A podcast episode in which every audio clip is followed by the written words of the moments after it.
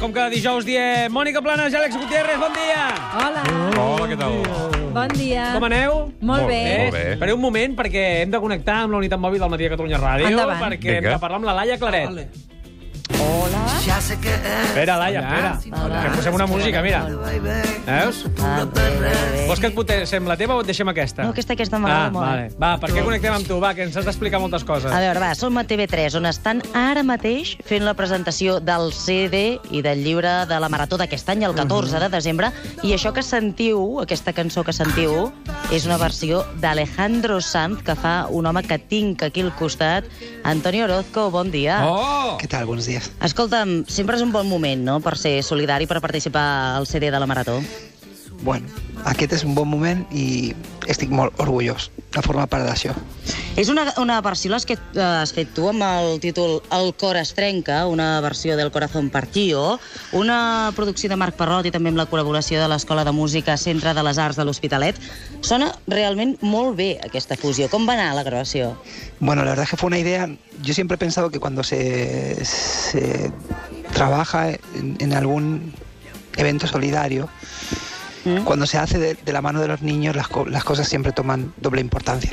Y la verdad es que ha sido, es- esa idea nació y hoy es una realidad. La verdad es un orgullo poder, de alguna forma, interpretar una canción que nos representa a toda una generación, ¿no? Sí, és verdad. I a més a més hi sentim solo de guitarra, la bateria superpotent, no? La versió està molt ben aconseguida, és veritat, això. Sí, la veritat és que el Marc Parrot ha fet un treball increïble. A més a més, cantes en català. Et podria preguntar per quan? Un disc en català o què? Ah, doncs això és una cosa que està molt present sempre i ho intentarem.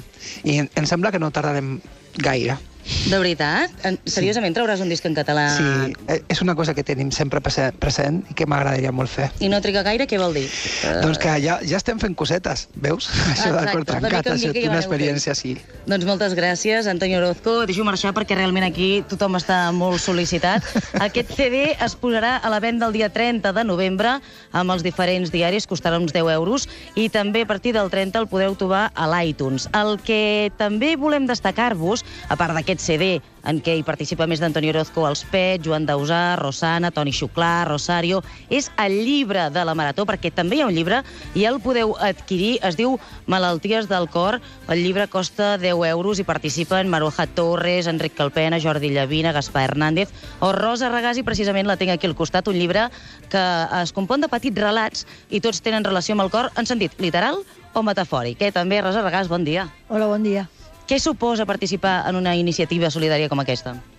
Eh, jo crec que tots tenim obligació, sobretot quan les coses van tan malament eh, i no hi ha investigació i no hi ha, hi ha retallades per tot arreu, doncs eh, el menys que podem fer és intentar col·laborar amb totes les iniciatives que intenten ajudar. A mi em sembla importantíssim que la investigació no es pari. Si es para la investigació, es para la salut. i si es para la salut es para el país. Això és el que haurien de veure totes aquestes persones que fan tantes retallades. Vostè ha escrit la cançó del Llangardaix, el seu relat es diu així, la cançó del Llangardaix parla de la seva tieta Maria. És un relat realment entranyable, que té, no ho revelarem tot, però podríem dir uns nets que li fan una mica la punyeta, uns nebots que li fan una mica la punyeta, i ella diu, un dia, quan està malalta, ja veureu com acabaran trobant-hi remei a aquest mal del cor que tinc jo. Suposo que aquesta també és la intenció, evidentment, de la Marató de TV3 d'aquest any.